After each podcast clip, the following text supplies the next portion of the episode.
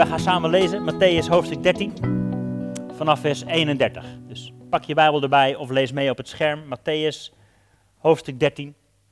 Daar staat dit. Een andere gelijkenis hield hij hun voor.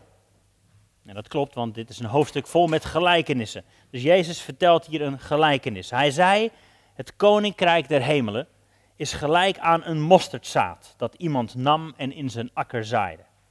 Het is wel het kleinste van alle zaden, maar als het opgegroeid is, is het het grootste van de tuingewassen en het wordt als een boom, zodat de vogels in de lucht een nest komen maken in de takken. Een andere gelijkenis sprak hij tot hen. Het koninkrijk der hemelen is gelijk aan zuurdeeg dat een vrouw nam en in drie maten meel verborg, totdat het helemaal doorzuurd was. Al deze dingen sprak Jezus tot de menigte door gelijkenissen. En zonder gelijkenis sprak hij tot hen niet. Opdat vervuld zou worden wat gesproken is door de profeet toen hij zei: Ik zal mijn mond open doen met gelijkenissen en ik zal over dingen spreken die verborgen waren vanaf de grondlegging van de wereld. De titel van mijn preek vandaag is Langzaam maar zeker. Langzaam maar zeker. Zullen we samen bidden? Heere God, dank u wel voor deze tijd dat we de Bijbel mogen openen om na te denken over wat u te zeggen hebt. Dank u wel dat u een God bent die spreekt en die woorden heeft van leven. En dank u wel dat u ons tot leven wilt wekken daardoor. Dat uw Heilige Geest aan het bewegen is als we uw woord openen. En ik wil bidden dat u dingen tot leven brengt in ons. Dingen die verborgen waren, dat het openbaar komt. Dingen die dood waren, dat u het levend maakt. Heer, u bent nog steeds de God van wonderen. En u wilt ook vandaag in ons leven iets nieuws doen iets nieuws. Elke dag wilt u iets nieuws geven. Wil bidden voor uw vrede, waar we ook zijn, waar we ook kijken, hoe we dit meemaken. Voor uw vrede in ons hart, vrede in ons denken, zodat we kunnen horen wat u te zeggen hebt. In Jezus' naam. Amen. Amen.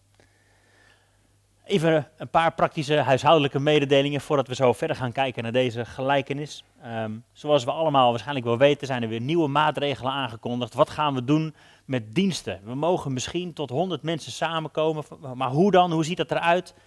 Het antwoord hebben we nog niet. Maar we gaan er wel mee aan de gang. We gaan nadenken over wat haalbaar is, wat praktisch is, wat wijs is.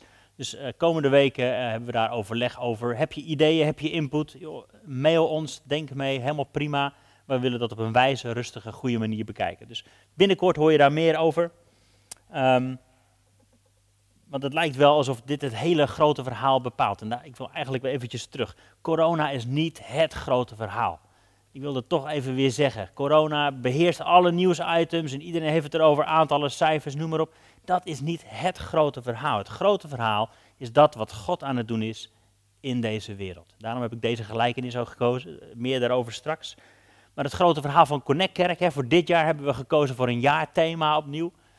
We hebben, we hebben gebeden, we hebben geluisterd, we geloven dat God heeft gesproken en dat Hij onder andere dit heeft gezegd tot ons, tot jou en mij, tot onze gemeente, ook in deze tijd. Hier staat in Handelingen 1 vers 8, het jaarthema, u zult kracht ontvangen wanneer de Heilige Geest over u komt en u zult mijn getuige zijn.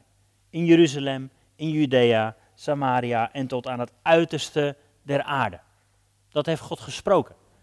En in het Engels heb je als een mooie uitspraak waarin, waarin gezegd wordt: What God spoke in the light, don't doubt in the darkness. Als God heeft gesproken toen er nog licht was, nu het donker is geworden, ga daar niet in één keer aan twijfelen. Hij is nog steeds dezelfde. Hij heeft nog steeds gesproken. Zijn woord is ook nu nog waar. En ook deze tekst mogen we ook in deze tijd juist tot ons nemen en zeggen: God, wat wilt u doen? Hoe kunnen we uw Heilige Geest ontvangen, kracht ontvangen en getuigen zijn? Dus dat is ons jaarthema. U zult kracht ontvangen wanneer de Heilige Geest over u komt en u zult mijn getuige zijn tot aan het einde der wereld. Maar ook het verhaal van Jozua is deel van ons jaarthema. We hebben daar al naar gekeken pas, naar dat, het, het boek Jozua hebben we doorgelezen met elkaar. Maar het verhaal van Jozua heeft natuurlijk alles te maken met het innemen van beloofd land. God heeft iets gegeven, God heeft iets beloofd en jij en ik mogen dat gaan innemen in ons leven. Hoe doen we dat? Nou, ook iets om wel vast te houden, ook in deze rare tijd. Terwijl het lijkt dat onze wereld verkleind wordt. We moeten afstand nemen van elkaar. We moeten in onze huizen blijven. We moeten stapjes terug, stapjes terug, kleiner leven. Terwijl God juist bezig is om je meer te geven. Meer van zijn koninkrijk, meer van zijn kracht, meer van het kennen van wie hij is. Hij wil ons laten groeien in onze capaciteit. Daar waar we het pas over hadden. Ons visnet groter maken, sterker maken, meer capaciteit. Dus dat is het grote verhaal. En dat we nu in een hoofdstuk zitten van coronacrisis. Oké, dat is een hoofdstuk. Maar die bladzij wordt ook weer omgeslagen. God is bezig met een groter verhaal. En vandaag beginnen we met een nieuwe serie. Er was eens over gelijkenissen. Maar ik wil even kort terugkijken op onze afgelopen paar weken. Under pressure. Het thema waar we in, eh, in zijn gedoken. We staan onder druk. Maar wat is God aan het doen in die tijd dat we onder druk staan? Alfons die sprak over de storm. Weet je nog de schilderijen die hij liet zien? Dat Jezus sprak in de storm en dat het rustig werd. Jezus is erbij. We mogen Hem vertrouwen in de storm. Als we under pressure staan, Hij is erbij in de storm. Ik heb gesproken over, over de opstanding, over de vreugde die ons in het vooruitzicht is gesteld. Daarom mogen we volhouden en hier doorheen komen. Kostian heeft gesproken over, over Paulus, die ook in een storm zat, in het, op een schip zat, en waar ballast overboord gegooid werd, zodat ze het einddoel konden behalen. Dat is ook iets wat God wil doen in deze storm. Ik heb gesproken over een sterk net en afgelopen zondag hebben we kunnen kijken naar Peter Prothero uit Engeland. Super vertaald, Sarah, dankjewel, tof trouwens. Uh, die keek naar de schat in aardevaten.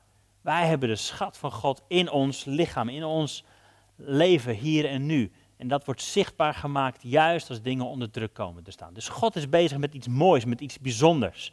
Dwars door alle nieuwsartikelen heen. God gaat door, hij is bezig. En in dat alles, en daar komen we altijd op terug, in dat alles mogen onze ogen gericht houden op Jezus. Ook als we de Bijbel lezen, als we het woord van God lezen, weten we dat het ons leidt naar het levende woord. Naar Hij die God zelf is, naar Jezus zelf. En daarom willen we ook deze tijd induiken in gelijkenissen. Wat heeft Hij gezegd? Wat heeft Hij gesproken over wie God is, over wat het koninkrijk voor God nou eigenlijk is? Daarom kijken we naar gelijkenissen. Nou, als titel hebben we gekozen Er was eens, want zo beginnen alle mooie verhalen natuurlijk. Maar de gelijkenissen zijn tegelijkertijd veel meer dan alleen maar een mooi verhaal. Gelijkenissen, om maar even wat dingen te noemen, zijn nog steeds wereldberoemd. Een paar van de best vertelde verhalen wereldwijd, eeuw na eeuw. Al twintig eeuwen lang worden deze verhalen verteld om mensen hoop te geven, om mensen houvast te geven, om mensen te wijzen op God. Al eeuwenlang helpen ze ons om te zien hoe God is, wie God is. Het zijn ook herkenbare verhalen, uit het leven gegrepen. Verhalen die mensen in die tijd snapten. Het ging over vis, over brood, het ging over zaaien, over oogsten. Het ging over dingen in het normale leven, zodat Jezus, zijn, hoor, zijn hoorders, het snapte. Het kwam binnen. En tegelijk hè, wordt Jezus vaak genoemd als, ja, het was een goede leraar. Maar hoe vaak lezen we niet dat mensen zeggen, we snappen het niet, die gelijkenissen, wat betekent het eigenlijk? Dus er zit zoveel meer achter dan alleen maar een mooi verhaal. En we lazen net in Matthäus 13 dat Jezus niet sprak dan door gelijkenissen. Dat is misschien een klein beetje overdreven, een Joodse manier van een punt maken. Maar Jezus sprak wel door gelijkenissen, omdat het wel werk kost om het te snappen. Het is niet een ABC'tje, een hele simpele formule. Je moet erin duiken. En dat gaan we ook doen de komende week. Je moet wel in de verhalen duiken en het je eigen gaan maken om het te gaan snappen. Zodat het echt levend kan gaan worden. En zoals alles, hè, dat zeggen we vaker, dat over de Bijbel in zijn geheel, maar ook deze gelijkenissen, ze zijn niet aan ons verteld. Ze zijn niet aan jou en mij verteld, niet in deze cultuur verteld. Ze zijn wel voor jou en mij verteld. Dus we kunnen er wel wat mee, maar het is goed om ons te verdiepen, in te leven in die mensen, die tijd, die cultuur. Wat hebben zij eraan gehad? En dan kunnen we gaan vertalen, wat kunnen wij ermee? En het gaat niet in eerste instantie over ons met de verhalen die Jezus vertellen, met alle gelijkenissen, lezen we, het gaat over het koninkrijk van God. Dat is het grotere verhaal. En ja, jij en ik mogen onze plek vinden in dat grotere verhaal, maar het is niet een, een persoonlijk verhaaltje voor jou en mij. We mogen ons verhaal vinden in het veel grotere verhaal van wat God aan het doen is.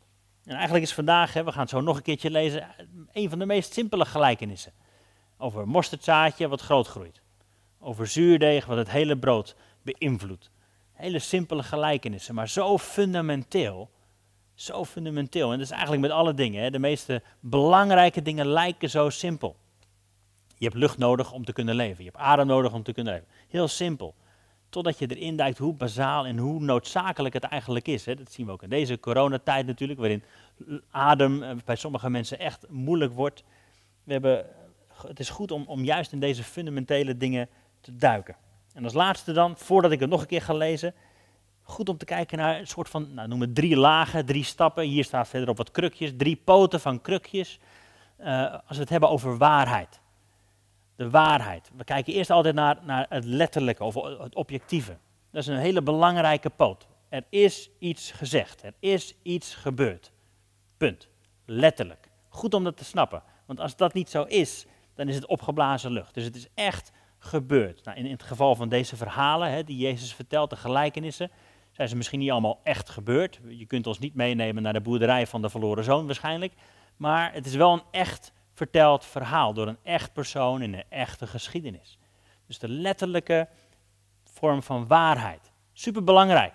Maar als het alleen daarbij blijft, dan is het nog steeds waar, maar heeft het voor jou en mij misschien niet zo heel veel waarde. Er moet een extra laag komen, wil het waarde gaan krijgen. Dat betekent dat het echte verhaal wat verteld is, iets gaat doen in je hart. Je vindt daar wat van, je voelt er wat bij, er verandert iets in je hart. Het, eh, misschien heeft het te maken met symbool of met waarde die je eraan hecht, maar de letterlijke waarheid moet een plek krijgen in je hart.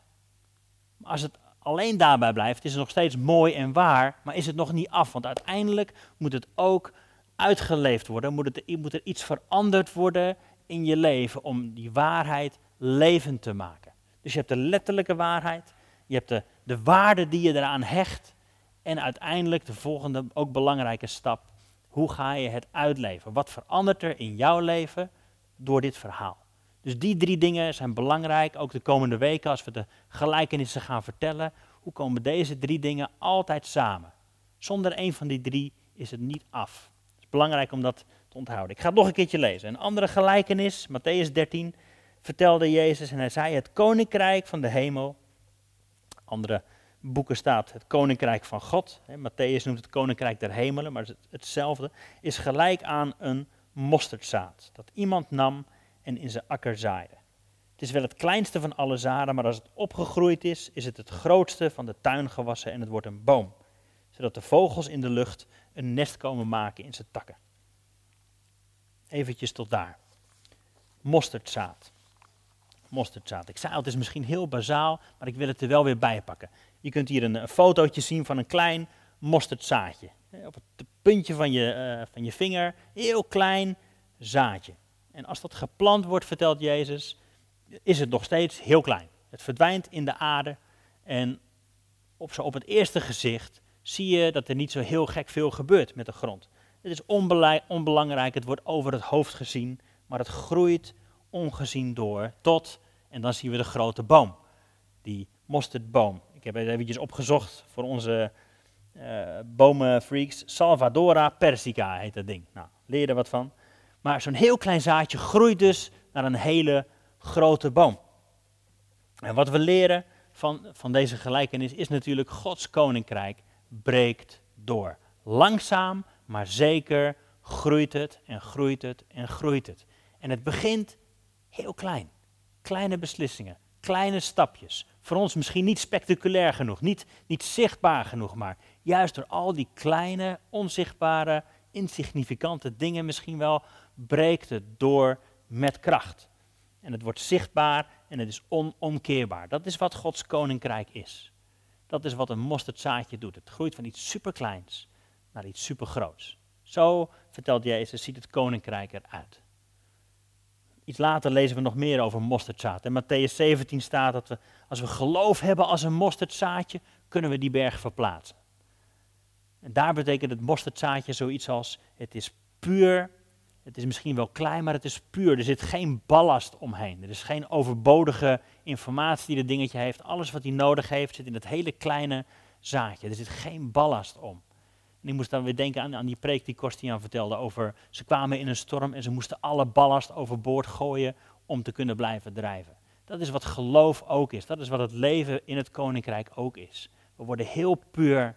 Alles wat niet bij ons hoort, wordt uiteindelijk van ons afgehaald, zodat we heel puur overblijven. En dan kan het gaan groeien. Langzaam maar zeker wordt Gods koninkrijk onomkeerbaar in deze wereld zichtbaar. En niets houdt het tegen.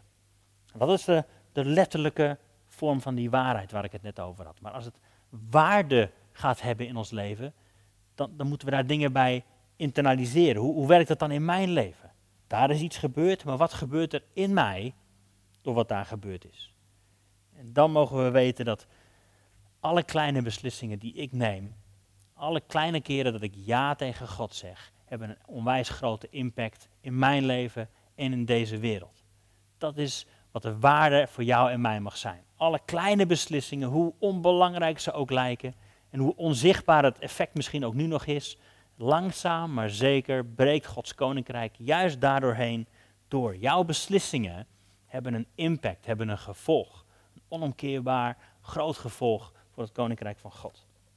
Dus dat is eerst het eerste stukje van, van deze twee gelijkenissen. De tweede is het zuurdesem. Hetzelfde soort gelijkenis natuurlijk. Het is eigenlijk hetzelfde soort verhaal die Jezus vertelt met een iets andere invalshoek. Zuurdesem. Iets dat heel klein is, misschien wel voor het oog onzichtbaar is, heeft uiteindelijk een zichtbaar gevolg. Een onmisbaar effect. Misschien een leuke opdracht voor thuis, kids. Ik weet niet of je meekijkt, misschien vind je het wel leuk om, om twee testjes te doen. Een brood te maken met en zonder dit zuurdeeg of, of gist of iets wat erop lijkt, wat hetzelfde effect heeft. Een brood te maken met of zonder. En dan kun je kijken, wat is het verschil? Misschien wel leuk om in deze dagen te doen. Maar ook hier is onmiskenbaar de betekenis voor ons, Gods koninkrijk breekt langzaam maar zeker door. Het is, begint klein, onzichtbaar, maar het breekt door. En ook zuurdesem, net als mosterdzaad, wordt nog ergens anders genoemd in de Bijbel, maar dan heeft het een heel andere betekenis. Ook belangrijk om daarbij stil te staan. Het wordt ook negatief gebruikt. Matthäus 16 bijvoorbeeld zegt Jezus, pas op voor het zuurdeeg van de fariseeën. En dan heeft hij het over het, verkeerd soort onderwijs wat ze, wat ze vertellen. Of Galaten, daar heeft Paulus het over, pas op, want een klein beetje zuurdeeg maakt het hele deeg zuur. En dan heeft hij het ook over, over onderwijs of over, over mensen die een negatieve invloed kunnen hebben in een gemeente of in jouw leven. Het is een waarschuwing tegen zonde in ons leven. Zuurdesem wordt ook vaak gebruikt als beeld voor de zonde. En eigenlijk met hetzelfde idee. Een klein beetje kan hele grote gevolgen hebben. En die twee dingen bestaan naast elkaar. In 1 Korinthe 5, vanaf vers 6, staat, uh, schrijft Paulus dit. Weet je niet dat een klein beetje zuurdeeg het hele deeg doorzuurt? Verwijder dan het zuurdeeg, opdat je nieuw deeg zult zijn. U bent immers ongezuurd. Hier heeft hij tegen, tegen gelovigen, tegen christenen. En dan zegt hij eigenlijk, je bent zonde, zonde, maar laat je dan niet meer in met die zonde. Je bent ongezuurd, laat je dan niet in met zuurdezen. Want ook ons paaslam, staat er verder, is voor ons geslacht, Christus. Laten we dus feest vieren, niet met oud zuurdeeg, ook niet met zuurdeeg van slechtheid of boosaardigheid, maar met ongezuurde broden, broden van oprechtheid en waarheid. Dus dat beeld van zuurdesem is positief bedoeld, hier wat we net lazen in deze gelijkenis, maar ook, let op, er is een negatieve kant. Een klein beetje zonde kan grote gevolgen hebben in je leven. Kleine beslissingen kunnen grote gevolgen hebben in je leven. En dat is aan de ene kant een fantastische belofte. Amen. Gods koninkrijk breekt door met kracht. Aan de andere kant, pas op. Kleine uh, beslissingen kunnen grote gevolgen hebben in je leven. In Hooglied, Hooglied 2 staat het. De kleine vosjes die de wijngaard kunnen vernielen. Kleine dingetjes die we over het hoofd kunnen zien. Afgelopen week was het hè, 4 mei, dode herdenking en de koning sprak daar.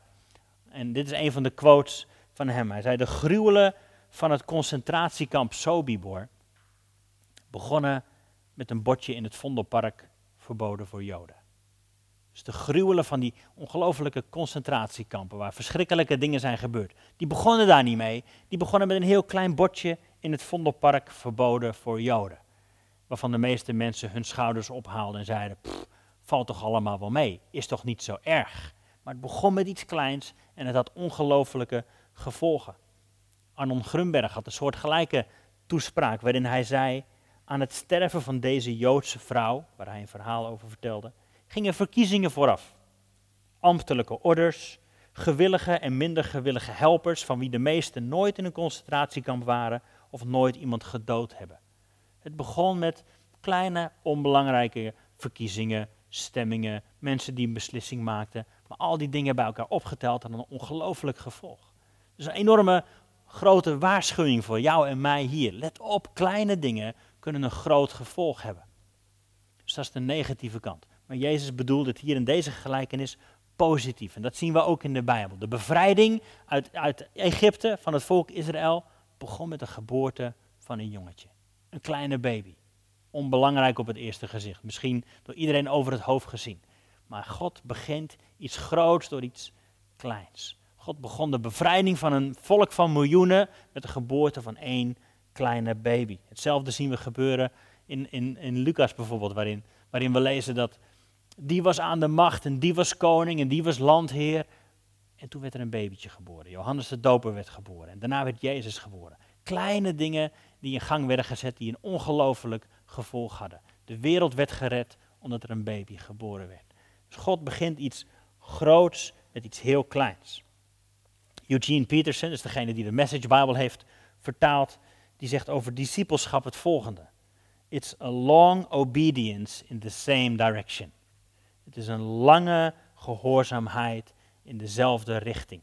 En dat is eigenlijk wat het is. Het leven met God, het discipelschap, het koninkrijk van God wat doorbreekt, is gewoon lange uh, gehoorzaamheid, stapje voor stapje voor stapje. Het zijn de kleine dingen die uiteindelijk een ongelooflijk effect gaan hebben. En we zitten natuurlijk nu een beetje, dat is ook de ondertitel van zijn boek, Discipleship in an Instant Society. Dat is onze, onze maatschappij hier en nu zoekt naar snelle, grote resultaten. Het moet meteen zichtbaar zijn.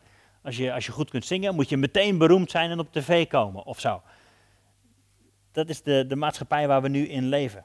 Maar hij zegt, het gaat om de kleine stapjes in dezelfde richting. Dag na dag, maand na maand, jaar na jaar blijven we achter Jezus aanlopen. En dat is ook wat we uh, terugkomen als we bij, bij de waarheid.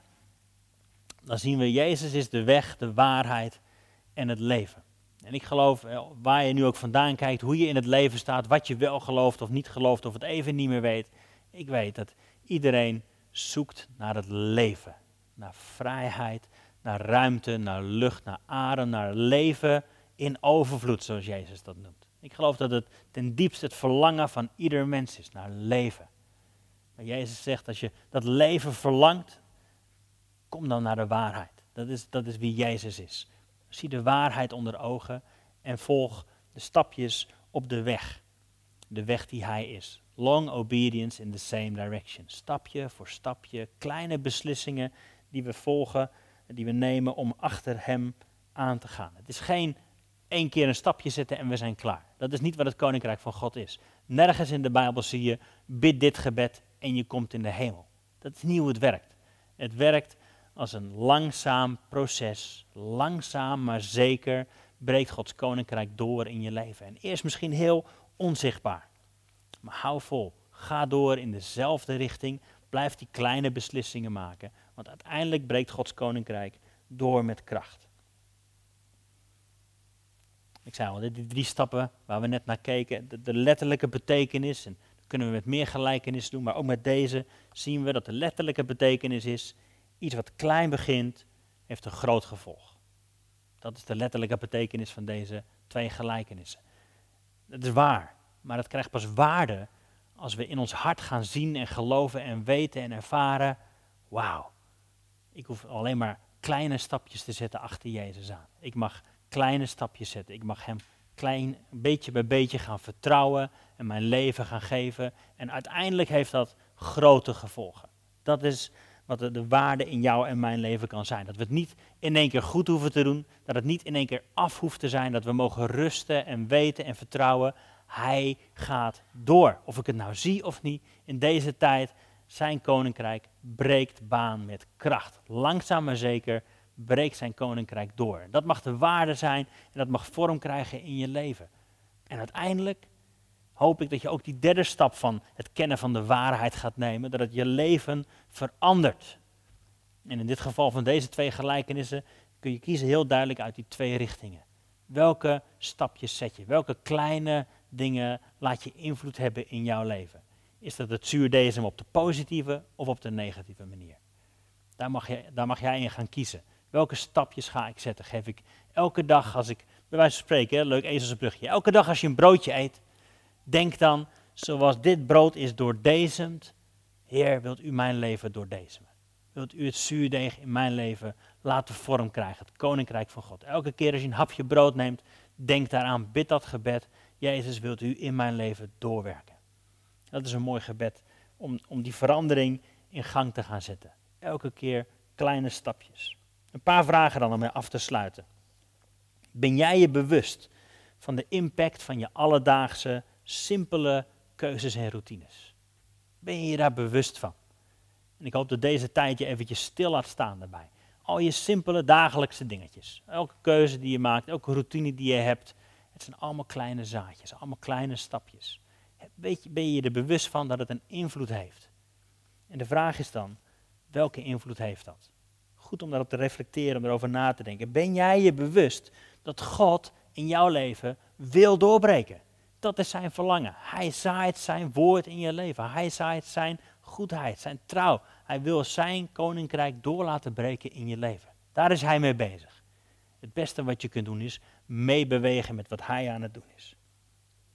Andere vraag. Hoe bewerk jij je grond op zo'n manier dat zijn koninkrijk inderdaad vrucht gaat dragen?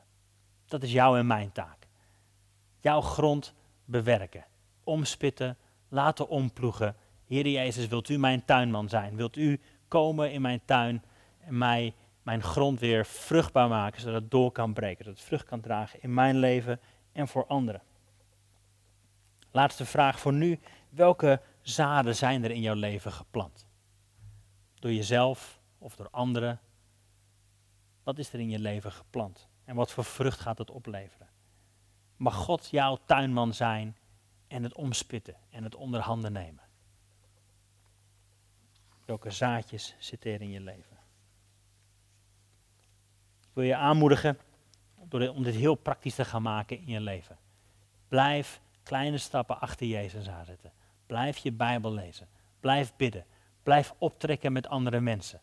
Blijf, uh, wat, wat Eugene Peterson net noemde, small steps in the same direction. Long obedience. Hou vol. Wees trouw. Ook al is het niet in één keer zichtbaar, ook al zijn je dromen in één keer niet uitgekomen, blijf trouw je kleine stappen zetten achter Jezus aan. En je zult zien, zijn koninkrijk gaat doorbreken met kracht. Zullen we samen bidden? Heer Jezus, dank u wel dat u goed bent. Dank u wel dat u uw verhaal wilt vertellen in ons leven. Zodat we steeds meer mogen gaan zien hoe goed u bent. Hoe trouw u bent, hoe eeuwig u bent. Heer, en als we zo deze gelijkenissen lezen en, en een plek willen gaan geven in ons leven, wilt u doorbreken in ons leven. Wilt u uw werk doen. Heer, zelf kunnen we het niet bewerkstelligen, maar we kunnen wel zeggen dat we u willen vertrouwen, achter u aan willen gaan zodat u doorbreekt in ons leven en deze wereld in. Zodat we nog steeds mensen kunnen bereiken met uw liefde. Zelf discipel kunnen worden en discipelen kunnen maken. Dank u wel dat u de eeuwige bent, dat u de koning der koningen bent, de naam boven alle namen bent. En dat ook waar we nu zijn, dat u bij ons bent, dat u trouw bent, dat u voor ons zorgt, dat u ons zegent, inspireert, redt en bevrijdt. En dank u wel dat langzaam maar zeker uw koninkrijk gaat doorbreken met kracht in ons leven in deze wereld. Dat is onze hoop, dat is ons verlangen. Amen.